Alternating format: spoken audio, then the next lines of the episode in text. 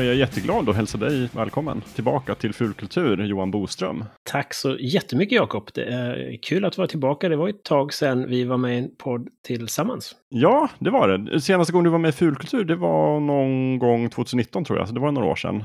Ja, sen har vi ju, vi har ju varit med tillsammans i Transformers-podden också efter det. Precis, det var kanske bara ett år sedan. Så. ja, precis. Men förra gången du var här, då pratade vi också eh, Transformers, mestadels Transformers på svenska. Du är en av eldsjälarna får man väl säga, som driver utgivningen av eh, både gamla och nya Transformers-serier på svenska. Ja, jag är ju en, en av de två som eh, är involverade i, i det här projektet. Den andra är ju Andreas Eriksson som äger Ades Media som är förlaget som ger ut de här böckerna. Och hur, vad kallar ni det för när ni pratar om det? Kallar ni det för projektet eller liksom, har det något namn?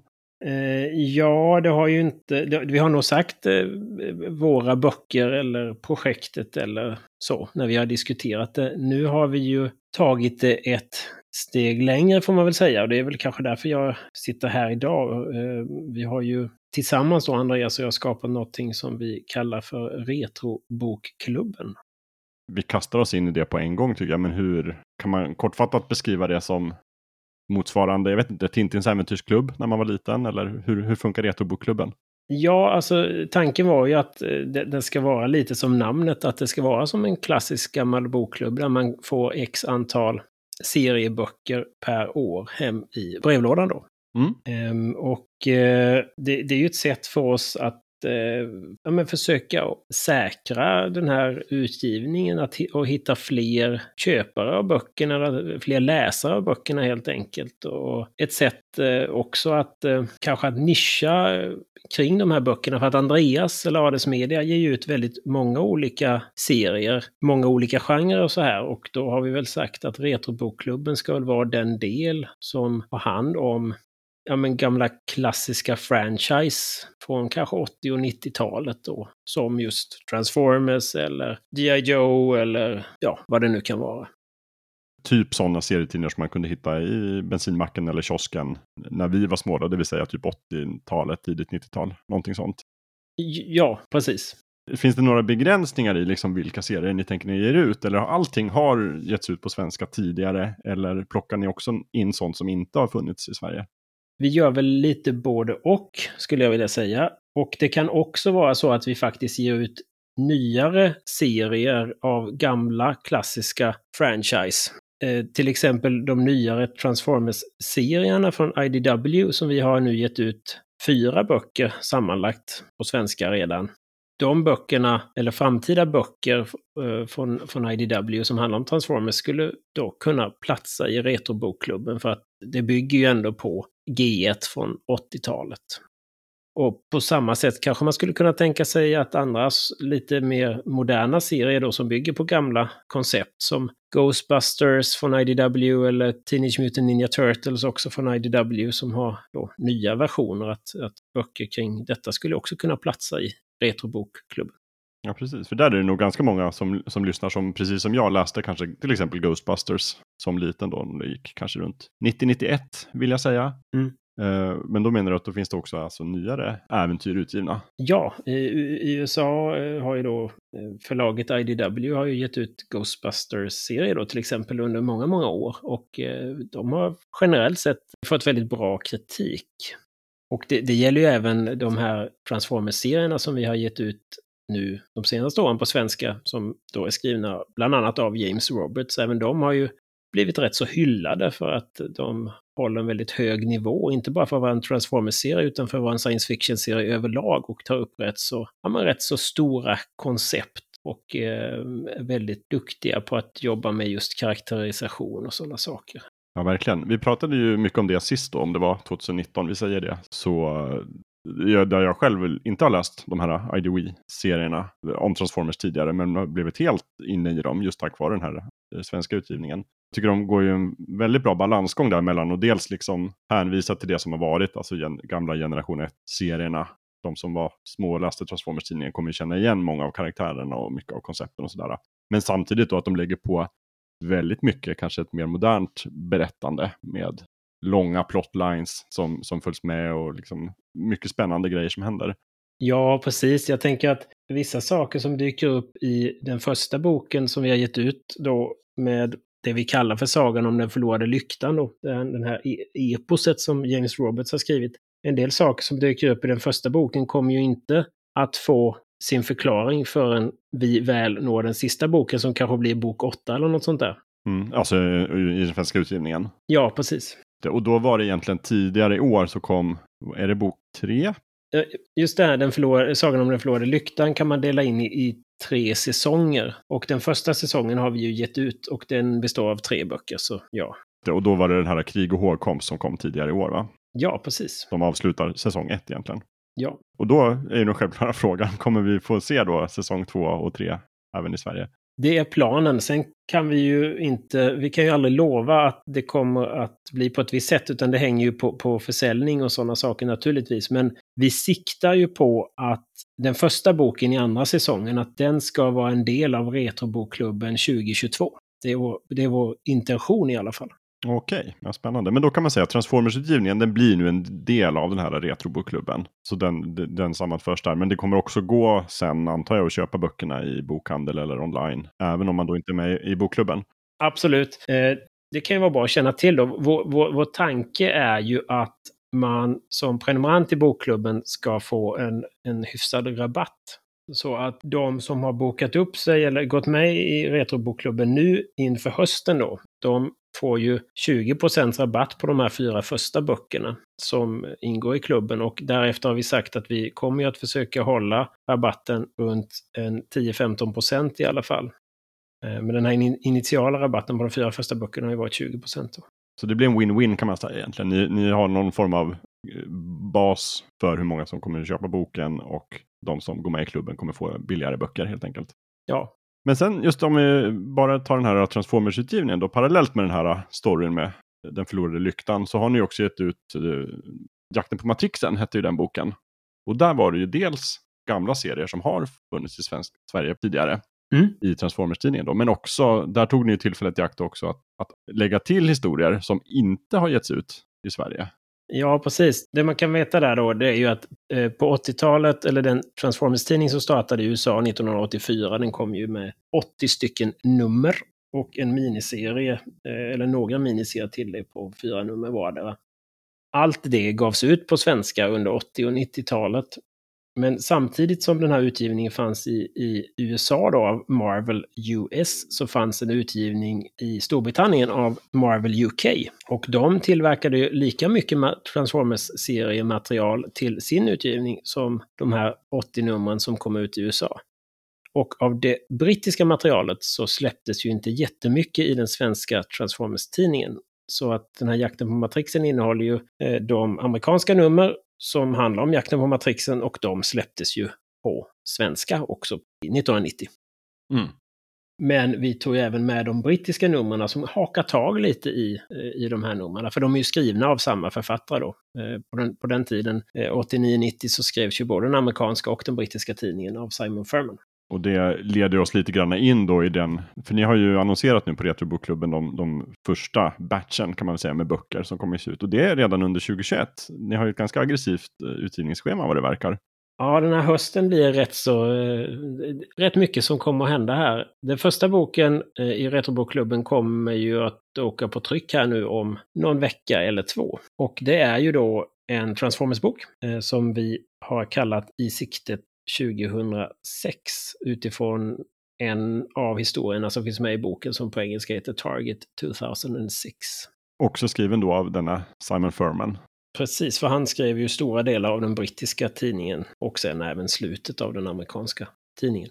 Och, och den här är ju den, här är en spännande, spännande bok och jag, jag, vet att jag är i förordet till Mer än ögat kan se, den första boken om Sagan om den förlorade lyktan som vi pratade om innan, så skriver jag att det är den absolut viktigaste bok som vi någonsin kommer att ge ut för mig personligen av några olika anledningar och det stämmer fortfarande. Men den här i siktet 2006 är nummer två på den listan och hade du frågat 11-åriga Johan 1989 så hade det varit den viktigaste boken som vi hade gett ut kan jag säga varför jag ser den som så viktig då, men det har att göra lite med innehållet i den här. Därför att som, som jag sa innan så fick vi ju inte alla de brittiska serierna på svenska. Och i den berättelsen som på engelska då heter Target 2006 brukar anses som en av de absolut viktigaste berättelserna som någonsin skrevs i Marvels utgivning av Transformers därför att den tog berättelserna till en helt ny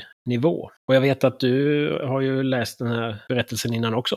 Oh ja, och jag tror vi pratade en del om den förra avsnittet du var med. Mm. Men det kan vara bra med en liten repetition just där, hur det ligger till. För det är alltså, som du sa då, den brittiska utgivningen. Och den användes väl i den svenska tidningen egentligen mest som utfyllnad, när de inte hade annat att trycka, eller är jag fel ute? Nej, men det, det stämmer. De, de låg, den svenska utgivningen då av Atlantic förlags, de låg så nära den amerikanska utgivningen ibland att de inte hade material och då fick de ju fylla på dem med brittiskt material. Och då fanns det ganska mycket att ta av där? Ja. Eftersom att de gav ut mycket egentligen högre takt, eller hur ska man säga? Ja, de gav ut 44 nummer i månaden i England. Eller 44 eh, sidor i månaden då. Eh, och amerikanerna gav ut 22 sidor i månaden. Så att den brittiska fyller på med lika mycket eget material som det amerikanska materialet som de tryckte igen. Men, eh, ja, men den här boken, dels så innehåller den då den här berättelsen i siktet 2006 då, som har fått ge namn till själva boken också. Och den är ju en rätt så lång berättelse på över 120 sidor tror jag. Och som då brukar räknas som att det var då Simon Furman tog sitt författande till en lite högre nivå med många olika nya berättartekniska grepp och eh, nivån höjdes väl generellt eh, i tidningen på många olika sätt. Men vi stannar ju inte där då när vi ger ut den här, utan vi ger ut... Den här boken kommer ju att vara på 304 sidor. Och den kommer att innehålla rätt mycket mer, så att den innehåller även de berättelser som kom efter, som också är en, en, eh, en samlad historia som inte har ett gemensamt namn egentligen, men man brukar benämna dem som, eller den berättelsen som Prey, eller Villebråd då på svenska.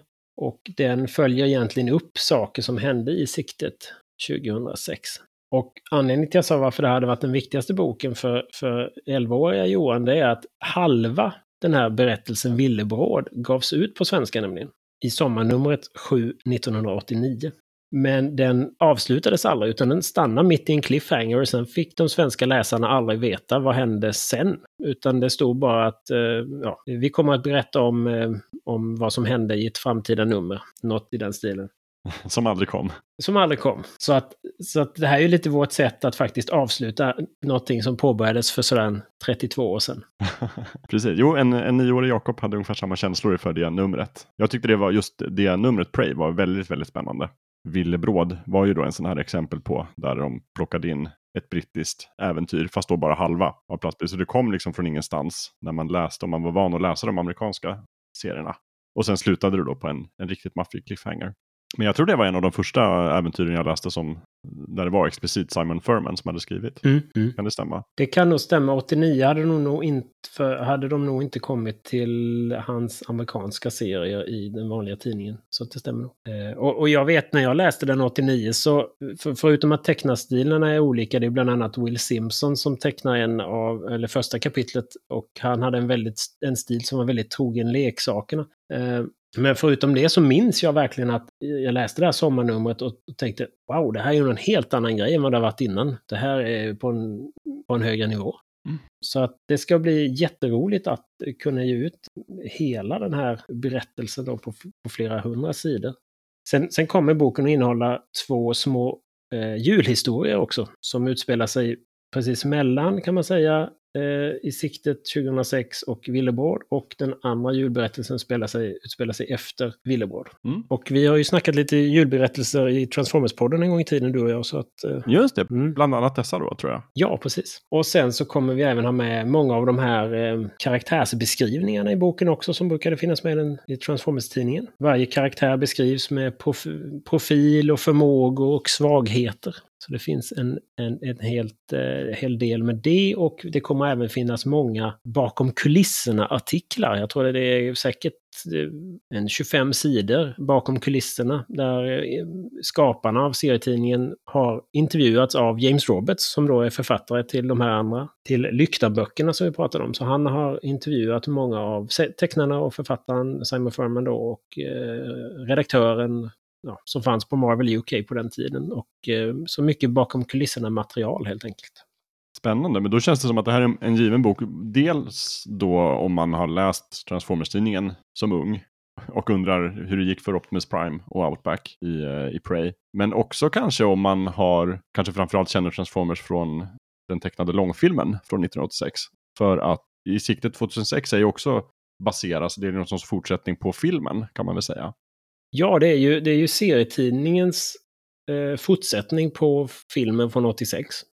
Eftersom att Simon Furman använde de karaktärerna ganska mycket då, vilket inte den amerikanska tidningen gjorde. Nej, den amerikanska tidningen använde ju endast eh, filmkaraktärerna, det vill säga Ultra Magnus och Hot Rod och Cup och de här. På den tiden så använde de de karaktärerna bara i serietidningsversionen av, av Transformers the Movie. Just det. Sen kom ju vissa av de här karaktärerna in sen via sina Target Master leksaker. Men man kan säga att den amerikanska seriestoryn följde ganska mycket vilka leksaker som gavs ut det året. Ja. Och, eh, och Simon Furman då i, i Storbritannien hade lite större frihet i och med att han i, i alla fall varannat nummer kunde skapa egna historier och då utifrån de här filmkaraktärerna som in, inte användes.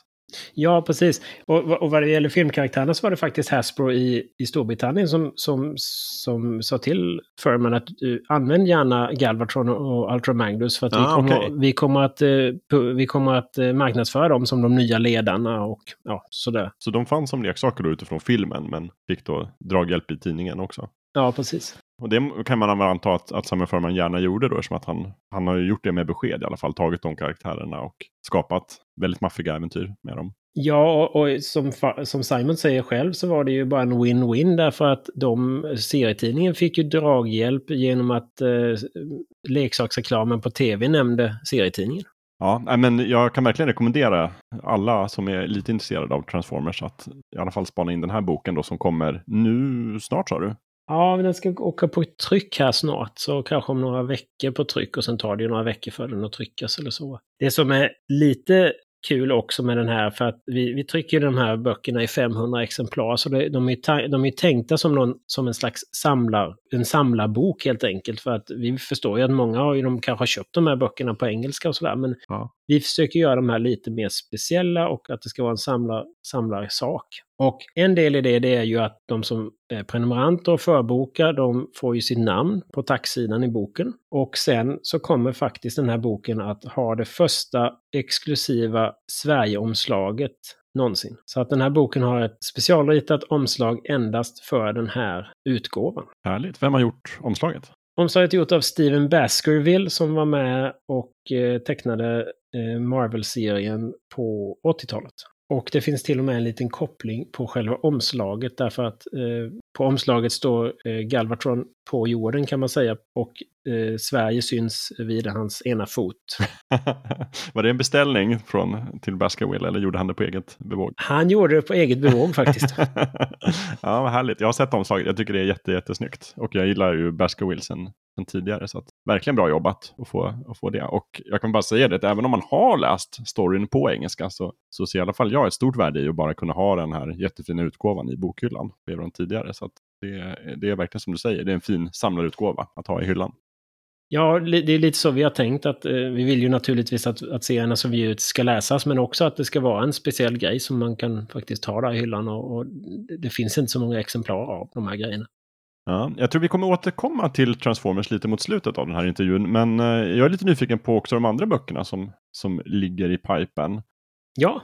Nästa bok är också en robot, men inte riktigt en transformer. Nej, precis. Eh, men det finns ju, eh, de har faktiskt mötts senast här nu för några år sedan i en serietidning av, av IDW. Men ja, det är en, en Terminator-bok helt enkelt.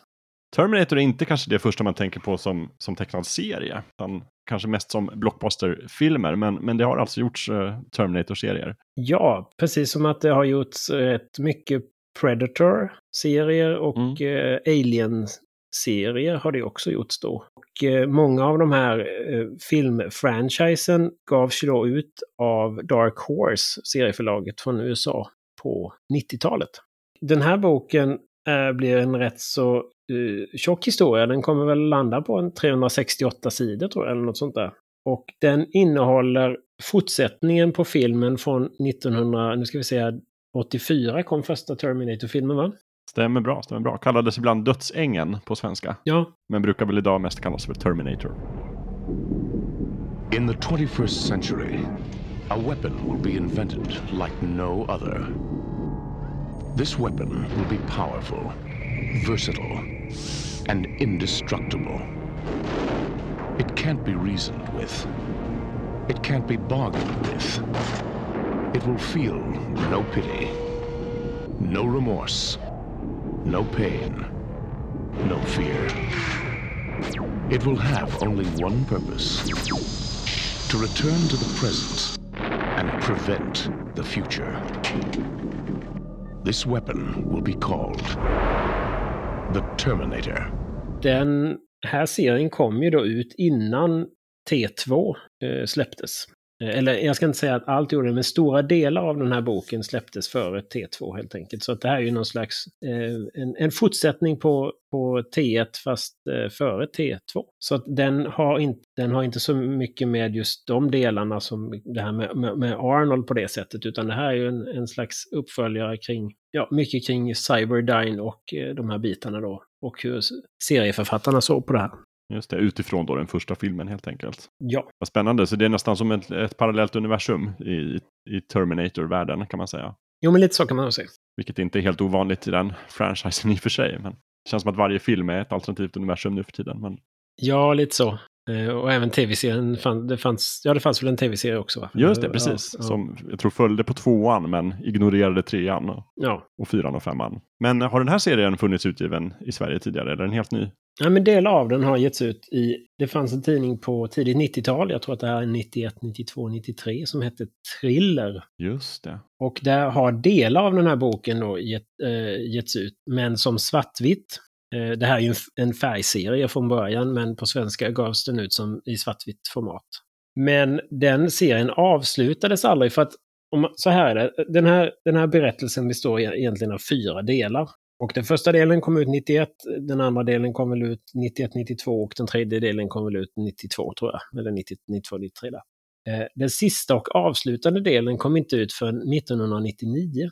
Oj. Ja, betydligt senare då va. Och det vi gör nu det är att vi samlar alla de här fyra delarna i en och samma bok och det har inte gjorts tidigare någonstans. Inte i USA heller. Nej, eh, Dark Horse som ger ut de här har de- de har samlat dem i två, vad de kallar omnibusutgåvor då. Så samlar de del 1, 2 och 3 i första omnibussen och del 2 kommer i eh, andra omnibussen. Och sen är det lite andra serier däremellan eller så som inte har med den här berättelsen att göra. Mhm, Okej, så det är världens första kompletta utgåva då. Ja, alltså så vitt jag vet. Sen, om, någon, om, någon, om någon av lyssnarna har koll på nej, nej, nej, så är det inte alls så får de gärna säga till. För att jag är ju, vi är ju lite olika där eh, vad vi har för inriktning, Andreas och jag. Och vissa böcker eh, kanske den ena har bättre koll på än den andra. Och just när det gäller Terminator så är det Andreas som har bäst koll egentligen då Jag skulle precis fråga dig, hur, hur har ni valt ut de här böckerna? Jag menar, det är uppenbart att du har, brinner för Transformers, och så, så jag kan tänka mig att du är drivande när det gäller det. Men, men till exempel Terminator, hur, hur väljer ni ut att den serien ska dammas av och ges ut i Sverige igen? Ehm, ja, men när det gäller Transformers så är vi nog båda två eh, väldigt stora fans av Transformers. Men jag kanske är mer nörden kring och har koll på vilka serier som hänger ihop med vilka och sådär.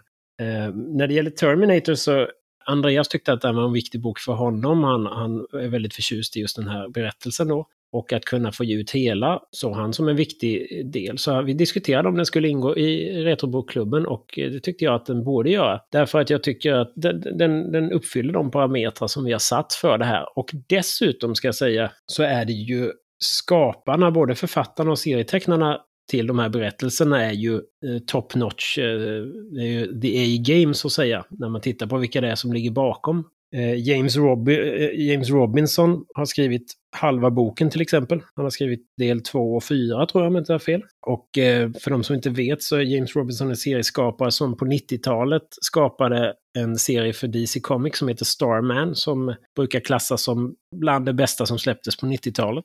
Eh, Butch Guys tecknar del fyra. Han är också känd som Jackson Guys. Tecknade X-Factor på 80-talet tecknade Captain America när Ed Brubaker var författare. Och Ed Brubaker var ju den som låg bakom att Bucky förvandlades till Winter Soldier som sen har plockats upp eh, i Marvel-filmerna då. Mm. Jag tror inte att Ed Brubaker fick ett öre för det, men det är en annan sak. Eh, Han fick ett tack i eftertexterna tror jag. ja, ja, andra författare som, eh, nu ska vi se här, det är nog Ian Edginton som har skrivit del 3 och eh, Paul Gulacci har tecknat en av delarna och sådär. Så det, det, det är riktigt bra serieförfattare och serietecknare som är involverade i den här boken. Spännande. Jag har ju inte läst Terminator överhuvudtaget, men jag minns nu när du pratar om det så vet jag att jag kanske har sett reklam i någon film, eller i någon, TV, någon serietidning, Mm. för just kanske thriller då, med, med någon Terminator-serie. Och detta var nog kanske innan jag ens visste vad Terminator var, men den såg väldigt mörkt och otäckt ut. Ja, Men idag är jag ju stort fan av både Terminator 1 och 2, men sen tycker jag kanske att, att vad gäller filmerna så blir de ju lite sämre för varje ny film som kommer. det blir lite repetitivt det där med Arnold, kan jag känna ibland eller så. Ja men exakt, och tvåan slutar ju ganska definitivt också på ett sätt. Men eh, väldigt spännande då att få gå tillbaka till kanske innan andra filmen ens fanns och se vad som hände med dessa Terminator. Så att spännande. Ska vi rusa vidare till, till nästa bok som ni har planerat då? Ja, Då är det i alla fall någonting helt annat, eller är det det? Ja, det kan man säga. Nu, och nu är vi inne på, vi, vi hoppas väl att, eh, då att eh, Terminator kommer ut i början av hösten någon gång. Och eh, senare delen av hösten så kommer ju den här boken då som är eh, Teenage Mutant Ninja Turtles som blir den, den tredje boken. Kanske bekant för ganska många. Ja, eh, sen är frågan hur, hur bekant originalserien är för alla. Eller om det är filmerna från, vad, vad kan vara det, 1990 som den första filmen kom. Ja, 90 kom första filmen, ja, och sen 91 fick de ut andra. Och eh, även den här, eh, mer, eh, den här serietidningen som var mer som, eh, som den tecknade tv-serien fanns ju på 90-talet också. Precis, jag skulle säga de flesta känner kanske Turtles från just tv-serien 87 eller serietidningen i början av 90-talet. Men det här, är, det här är lite annat slags Turtles kan man säga. Det här är originalet som vi ger ut. Alltså den serietidning, Underground-serietidning som skapades av eh, Eastman och Laird. De som skapade Turtles helt enkelt. Och då är vi inne ganska tidigt 80-tal vill jag säga. Då är det tidigt 80-tal, det kanske kan vara 84 som de skapar den här. Den ges ut då av Mirage, heter förlaget. Particle emissions end here. So this must be the place. Turtle Prime. Like, what kind of world is this?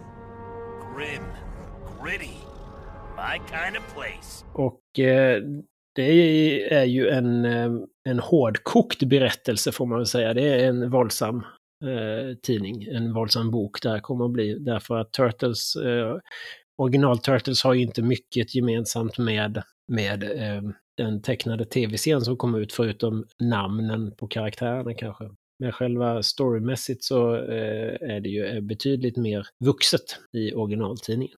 Så det här, den här boken kommer att innehålla de sju första numren från Mirage av den här då, Teenage Mutant Ninja Turtles-tidningen. Och den kommer även innehålla en eh, one-shot eh, som handlar om Raphael. Micro Series kallades de. Så det är Micro Series Raphael som kommer att ingå för den utspelar sig mellan några av de här 1-7. Och sen kommer den här boken även att innehålla ytterligare ett nummer som kallades för Fugitoid, som är en karaktär som dyker upp i Turtles-tidningen också då. Just det. Eh, Är han inte en robot? Han är en robot. Ja, Okej, precis. så det blir Eller- robotar i alla böckerna då? Ja, fast, fast det är, eller rättare sagt, det är, en, men, det är en, en människa som har förflyttats in i robot tror jag, så det är väl en cy- mer cyber, cyborg-hållet. Ah, så. Okej, ja, så är det alltså. Det är någon, han är någon professor vill jag minnas. Ja, precis. Och den, det numret brukar inte tryckas tillsammans med de andra, så att jag tror att det har nog bara varit med i en samlingsutgåva en gång tidigare. För att det, senaste då, de, de här böckerna som är getts ut då av IDW, de innehåller inte Fugitoid. Så det är lite kul att vi kan få med den i vår utgåva. Eh, originalserien var svartvit vill jag minnas. Ja, så är den. Kommer den, var det nu också eller är den färglagd? Eh, originalserien var ju svartvit och lite gråskala eller så då. Eh, och den har getts ut både som svartvit och som i färg när den har återutgetts i bokform. Eh, sådär. Men det vi gör nu det är att vi kör på originalet här. Vi kör i svartvit i gråskala så som den gjordes från början. Vi, vi tänker oss att det ska vara en, återigen det här med samlarutgåva och att det ska vara så nära originalet som möjligt. Det tycker jag är rätt beslut för jag gillar den svartvita bäst. Det är ju väldigt också även grafiskt väldigt annorlunda mot kanske vad man är van vid om man har sett den här äh, lite mer barnvänliga serietidningarna. Och då behöver jag heller inte fråga vilken färg de har på sina bandanas. Nej, precis. Eh, I, I original på omslagen så är ju alla röda. Och det var väl först egentligen när de blev den här barnserien som de fick olika färger. Man skulle kunna skilja på dem. Eller var det i, i tv-serien kanske till och med? Det kan vara i tv-serien. Jag har lite dålig koll på det. Men, men som sagt, alla hade ju rött från början. Vad kul. Det är jätteroligt tycker jag att det ges ut. eh, Det som jag brukar kalla riktiga Turtles. Och det, det här har ju getts ut tidigare på svenska. Det kan man ju också eh, påpeka att eh, serietidningen Max hade ju med lite Turtles, kanske 1987 eller något sånt där. Det gavs ju ut av eh, Epics förlag. Och eh, Epics Epix har ju även gett ut vissa av de här då. Eh, vissa av delarna som finns med i den här boken har Epix gett ut i, ja, när kan det ha varit, 93 kanske de gav ut några så här tunnare album på 40 sidor. Fyra stycken sådana album som tror jag hette Turtle Action eller något sånt där. Jag har, tror jag, första, allra första delen har jag här någonstans i en hylla. Ja, men den här blir ju betydligt då större och tar upp eh, fler delar. Jag tror att även den här kommer att hamna på 368 sidor.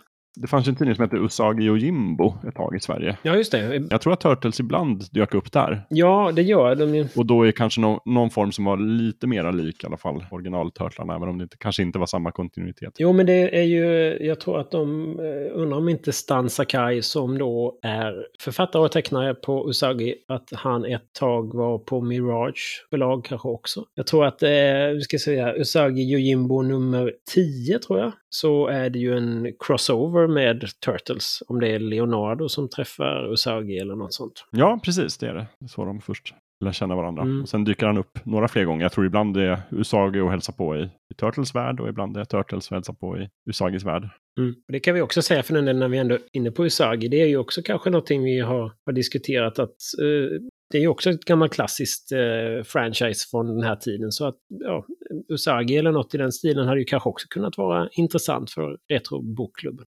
Men det är inga, inget, inget som vi har spikat eller planer på eller sådär just nu. Men eh, serie i den stilen är absolut intressant för Retro-bokklubben. Eh, Men vad- hur känner du själv inför Turtles då överlag? Är det en, någonting som ligger nära ditt hjärta eller är det lite mer Andreas grej? Det är nog kanske lite mer Andreas grej, men jag gillar Turtles. Jag gillar Eastman och eh, Lairds original. Jag gillar eh, Eh, Eric Carlson, tror jag han hette, som eh, skrev den serie som gavs ut av Image i början på 90-talet. De gästspelade ju med Savage Dragon, en del, Erik, Lars, Erik Larssons tidning. Och eh, jag är även rätt förtjust i, om, jag har inte läst allt ska jag säga, men jag är även rätt förtjust i det som de nya serier som IDW har gett ut. Där, nu ska vi se, Eastman är involverad lite grann också i dem igen. Så att jag eh, tycker att det är underhållande eh, serier. Men det, är väl, det, det, det ligger inte lika högt på listan som Transformers då. Eller kanske G.I. Joe. Och det för oss ju raskt in på då fjärde boken 2021. Ja, och det är en bok som vi hoppas kunna då släppa runt jul 2021. Och den kommer att, eh, nu sa jag G.I. Joe, men den här boken kommer att eh, heta Action Force. Som tidningen gjorde i Sverige. Och då tänker jag att du får direkt förklara här, vad är skillnaden egentligen mellan Action Force och G.I. Joe? Om det är någon skillnad. Ja, alltså de hette ju Action Force, nu ska vi se på, eh, dels hette ju den svenska tidningen Action Force, men även så tror jag de hette Action Force när de gick på Sky Channel eller något sånt där. Eller nej, de kanske hette G.I. Joe, kändes som G.I. Joe på Sky Channel, kanske det stod på tidningen. Ja, jag ska... Jag, jag, för mig att de hette G.I. Joe på Sky Channel. Ja, men så kanske det. Vilket orsakade en del förvirring för de som försökte titta på den och, och koppla ihop det med serien och sådär. För det var uppenbart samma karaktärer men, men med olika namn. Ja, leksaken hette ju G.I. Joe i USA. Och 1982 tror jag så fick ju Marvel franchiset att göra en serietidning då, eller licensen att göra en serietidning till de här leksakerna. Som då också fick eh, G.I. Joe och eh, serietidningen skrevs ju av den legendariska Larry Hama. Men i Europa så hette ju leksaken Action Force. Och det gavs ut då en tidning i, av Marvel UK i Storbritannien som hette just Action Force. Varför, varför bytte den namn? Är det för att man inte vet vad G.I. Joe betyder i, Europa? Eller vet, fanns det någon särskild anledning? Nej, men det var just för att, eh, som jag har förstått att eh, leksakerna hette Action Force och då heter också tidningen det för att man ska ha ja, synergieffekter med försäljningar och sådana saker antar jag. Jag ska bara lägga in en brasklapp för de som sitter nu och lyssnar och säger men det fanns faktiskt en tidning som hette Battle Action Force innan Marvel gav ut Action Force och det gjorde jag. Det gjorde det också. Eh, vi vet om det, men den, det gavs inte ut av Marvel. Och den handlade då om de här leksakerna som kom ut i Storbritannien. Men för att komplicera det ytterligare så innehöll de inte bara G.I. Joe-leksakerna som hade fått nytt namn som Action Force, utan de innehöll också andra leksaker eh, som inte fanns i G.I. Joe-linjen. Men vi kan lämna det därhän känner jag lite så. Ja, just det. För sen ger Marvel UK i alla fall ut tidningen Action Force. Ja, och den startar ju då efter att de har haft rätt mycket framgång med sin Transformers-tidning så får de licensen för Action Force och ska då börja ge ut en Action Force-tidning. Och även den vill de ju skapa eget material till. Ja, samma upplägg som Transformers. Ja, fast där behöver de inte lika mycket material så att de ger väl ut, tror jag, fem eller sex sidor, fem sidor eh, eget material per vecka. Istället för elva då som Transformers gjorde. Mm. Och eh, den här tidningen ges ut under ett år veckovis. Och efter ett år så läggs den ner och blir istället en månadstidning på 22 sidor. Med helt nytt eget då brittiskt material i månaden. Vad har hänt med den amerikanska tidningen då? Är den nedlagd? Är det därför det inte finns något nytt amerikanskt material? Eller vill de köra vidare på original? Nej, de, de gör så att efter ett år när de lägger ner veckotidningen Action Force i, i Storbritannien så ger de ut de amerikanska G.I. Joe-berättelserna som en biserie i Transformers-tidningen och skapar en egen brittisk tidning för de inhemska Action Force-berättelserna. Ah, okej. Okay. Men då kommer vi ut en bok med de här första brittiska berättelserna. Så den här boken kommer att eh, innehålla, nu ska vi säga Action Force Weekly då som den kallades, veckotidningen. Nummer 1 till 27 och nummer 32. Och sen kommer den även att innehålla lite Transformers-berättelser. Därför att eh, Action Force Weekly nummer 24, 25, 26 och 27 var en crossover med Transformers UK nummer 125. Så de rör sig i samma värld? De rör sig i samma värld då. Och det som skiljer Action Force mot G.I. Joe, det är karaktärernas bakgrund. Därför att eh, Flint då, som är huvudkaraktären kan man säga i Action Force tillsammans med Lady J, de kommer inte från USA i Action Force-kontinuiteten, utan Flint är från England och Jay är från Irland. Och det är lite andra karaktärer som kommer från, någon kommer från Tyskland, ska vi säga det, Airtight tror jag, som kommer från Tyskland och så här då. Det kändes som att de hade försökt få en lite mer så här europeisk, eh, kom från olika europeiska länder i Action Force. Precis. Ja, men det är fler. Det är Wild Bill tror jag kommer från England också. Sådär. Vilket är lite roligt för att han är så här jätteamerikan i, i, den, i Joe kommer från Texas och så egentligen. Men, men, men de förklarade faktiskt i biografierna att han var, väldigt, han var en stor fantast, fantast av cowboyfilmer när han växte upp ja, okay. i England. Och så. så att, ja.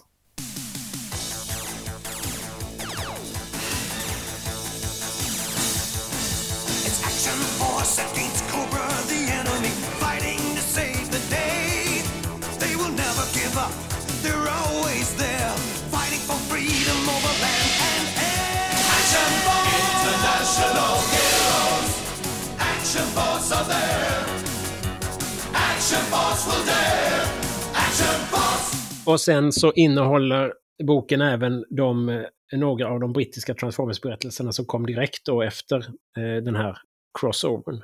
Så att det är en, eh, det, det är en bok som, som eh, tanken är att, vi kan, att den ska rikta sig både till Action Force slash Joe-fans och Transformers-fans. Och att fans av båda de här franchisen kan ha eh, utbyte av den här boken. Ja, och, och det är ju samma sak där då, att Action Force dök ju faktiskt också upp en kortis i den svenska Transformers-tidningen. Jag tror kanske det bara var ett äventyr, men Ja, precis. Ja, två, två tidningar. Dels så är det ju då den här, den här berättelsen som heter Reliker. Som var även den med i det här sommarnumret som vi pratade om innan, 789. Mm. Det är ju den här crossovern som vi har med här. Men det, det Atlantic gjorde i den tidningen, det var ju att de slaktade de där, eh, den där crossovern. Så att jag tror att de eh, tog väl väck, vad kan det vara, säkert 8-9 sidor från berättelsen som inte fick plats. Som vi nu då finns med i, i sin helhet här då i den här boken. Det, det är kul att kunna ge ut, ge ut hela den då också. För jag minns bara att den serien, jag tyckte den var väldigt, väldigt snyggt tecknad, men jag hängde inte riktigt med i, i både kontexten eller själva handlingen i den. Nej. Och det kanske beror på då att de hade klippt den ganska hårt. Ja, dels har de gjort det och sen så vet man ju inte riktigt vad som har hänt innan i de här eh, Action Force nummer 1 till 23. Allt som har pågått eh, innan med Destro och, eh, och, och Flints Fade då.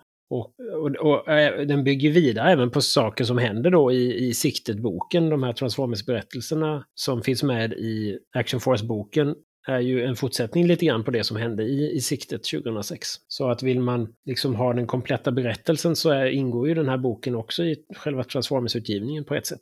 Spännande, så allt hänger ihop. Jo, men vi försöker ändå tänka till hur allting ska, hur, hur, hur man kan ta sig an allt eh, allt det här materialet.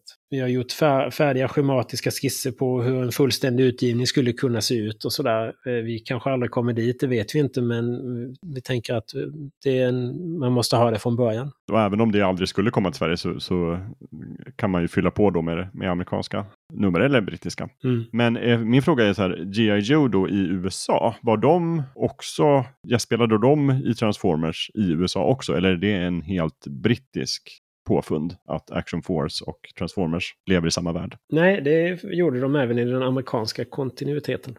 Det fanns ju en miniserie som heter G.I. Joe and Transformers. Som gavs ut på svenska som nummer 9,5 1988. Ja, just det. Så den kom också på svenska, ja. Mm. Och det, det, är en liten konstig miniserie. Den är skriven av Michael Higgins, men han, mitt i miniserien så försvinner Optimus Prime för att han har dött i den amerikanska tidningen. Och ja, den, den blir lite sådär, eh, den är lite svår eftersom den utspelar sig i, i en period när både Megatron och Prime dör i den amerikanska utgåvan. Ja, när man läser den så, så kan, finns det lite moment som kanske känns lite förvirrande i den helt enkelt. Men sen har det också, sen gästspelade Transformers långt, långt senare i, i, eh, i G.I. Joe-tidningen nummer ja, 130 139, 140, 141, 142 där någonstans. Okej, okay. var, var, är vi då i år? Ja, då är vi ju på 1993, 1994 någonstans. Ganska länge sedan ändå. Ja. För jag tänkte fråga också, görs det liksom fortfarande serier med G.I. Joe Action Force? Eller hur mår den franchisen idag? Finns det nytt material man skulle kunna ta av? Ja, men det finns massor med, med nytt material från eh, IDW även där.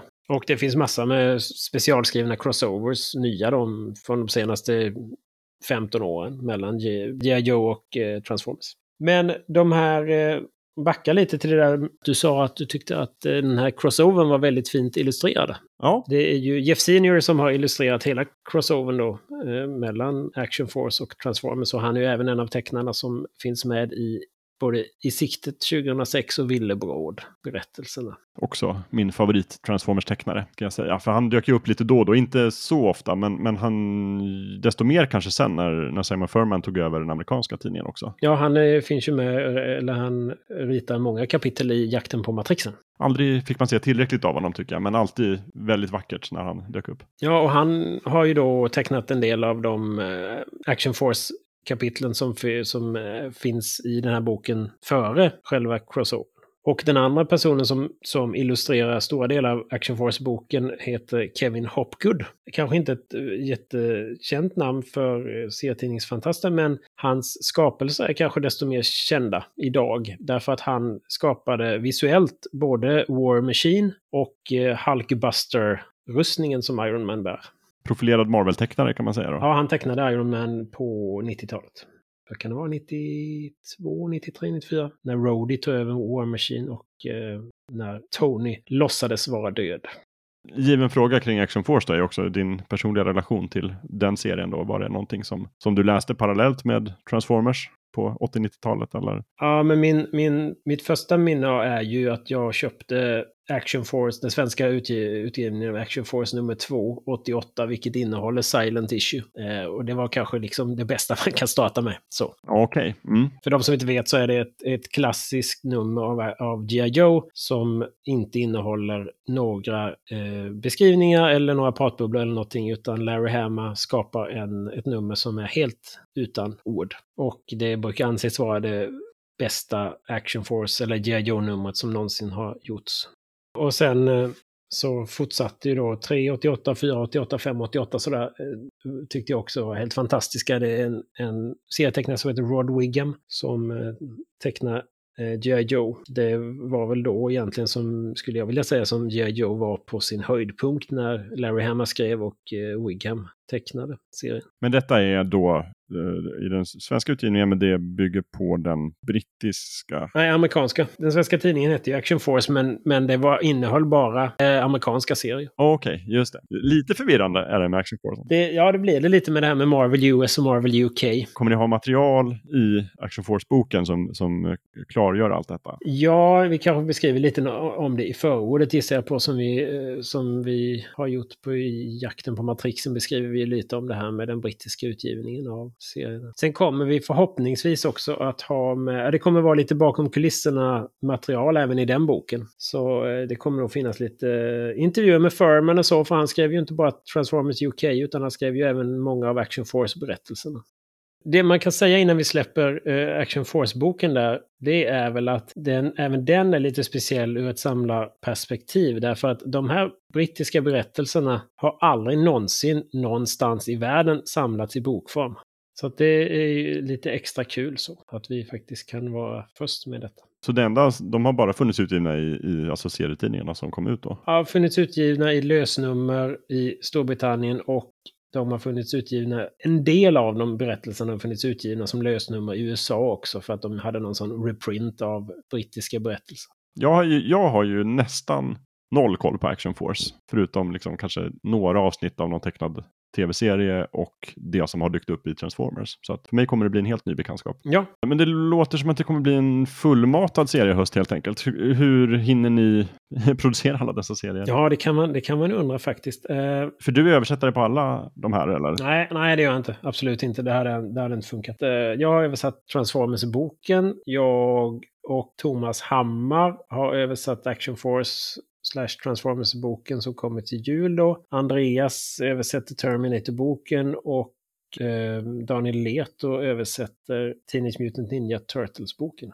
Och, kommer ni hålla samma tempo framöver eller vad vad är, hur ser tvåårsplanen ut kanske i alla fall för Retrobokklubben? Här, den här hösten blir ju fyra böcker och det tempot kommer vi aldrig kunna hålla därför att det här är ju inget, ja, varken jag eller Andreas eller någon som är involverad i det här gör väl det här kanske för, för en, utifrån ett vinstdrivande perspektiv utan det är en hobby, det är ett hobbyprojekt som vi har helt enkelt. Och vi är ju glada om böckerna går runt och täcker sin egen kostnad. Men eh, vi har väl sagt att vi tänker ge ut tre till fem böcker per år. Så att det är ju inte alls samma aggressiva utgivningstakt som det blev här under hösten. Men ändå ganska högt tempo. Ja, men kanske ett mer hållbart tempo för oss själva. Eh, och vi har väl en, vi har väl en skiss på vad, hur 2022 kommer att se ut, men eh, där är ju inte avtal och sånt klart, så där kan jag inte säga jättemycket. Jag kan säga något, jag kan säga som så att ja, vi vill att en av böckerna ska vara första boken då i andra säsongen av Den förlorade lyktan, Transformers. Mm. Och vi kan säga att en av böckerna kommer att vara en He-Man and the Masters of the Universe-bok.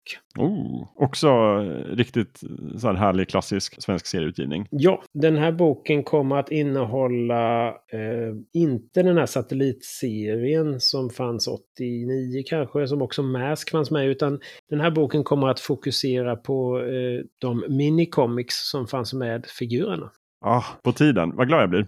Älskar dem. Så att det, tanken är att det ska innehålla alla de 20 nummer tror jag det var av den här svenska minicomicsutgivningen. Och plus en del annat material också som vi kommer att eh, offentliggöra lite senare.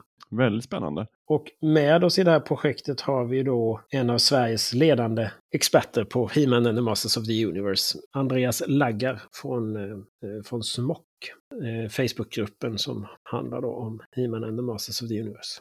Så det, det är en spännande bok som vi ser fram emot under nästa år. Ja, verkligen. Och som sagt, vi har ett tankar på vad vi vill att övriga böcker ska innehålla. Men i, där är ingenting vi kan säga någonting om i dagsläget.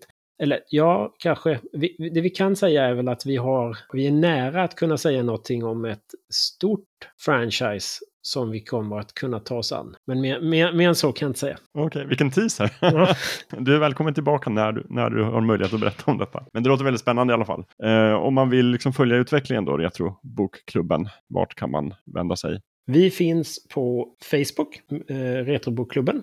Eh, svenska Retrobokklubben. Man hittar även tror jag om man söker på bara Retrobokklubben. Ja. Jag provade. Och vi finns även på Instagram som för att Svenska Retrobokklubben eller Retrobokklubben där vi eh, lägger ut lite information också. Det kommer så småningom att eh, komma upp en hemsida men det har vi eh, bortprioriterat för som sagt takten med producera böckerna är rätt så hög just nu så att det är liksom det som får eh, vara först. Vill man kontakta oss så kan man göra det på Retrobokklubben snabela adesmedia.se. Och det går att kontakta oss via Facebook och Instagram också naturligtvis. Och är det så att man vill gå med i Retrobokklubben så är det fortfarande... Jag, jag sa ju innan det här med att de som satte upp sig på de fyra första böckerna fick ju de här 20 procenten rabatt. Men, eh, och nu kommer vi ju snart skicka den första boken på tryck. Men vill man sätta upp, eller om man lyssnar på det här då efter, kanske efter att vi har tryckt boken eh, och man vill gå med i bokklubben så kan man ju fortfarande göra det. Då får man ju, man kan ju fortfarande få den första boken som en del i sitt paket. Däremot får man inte med sitt namn på tacksidan.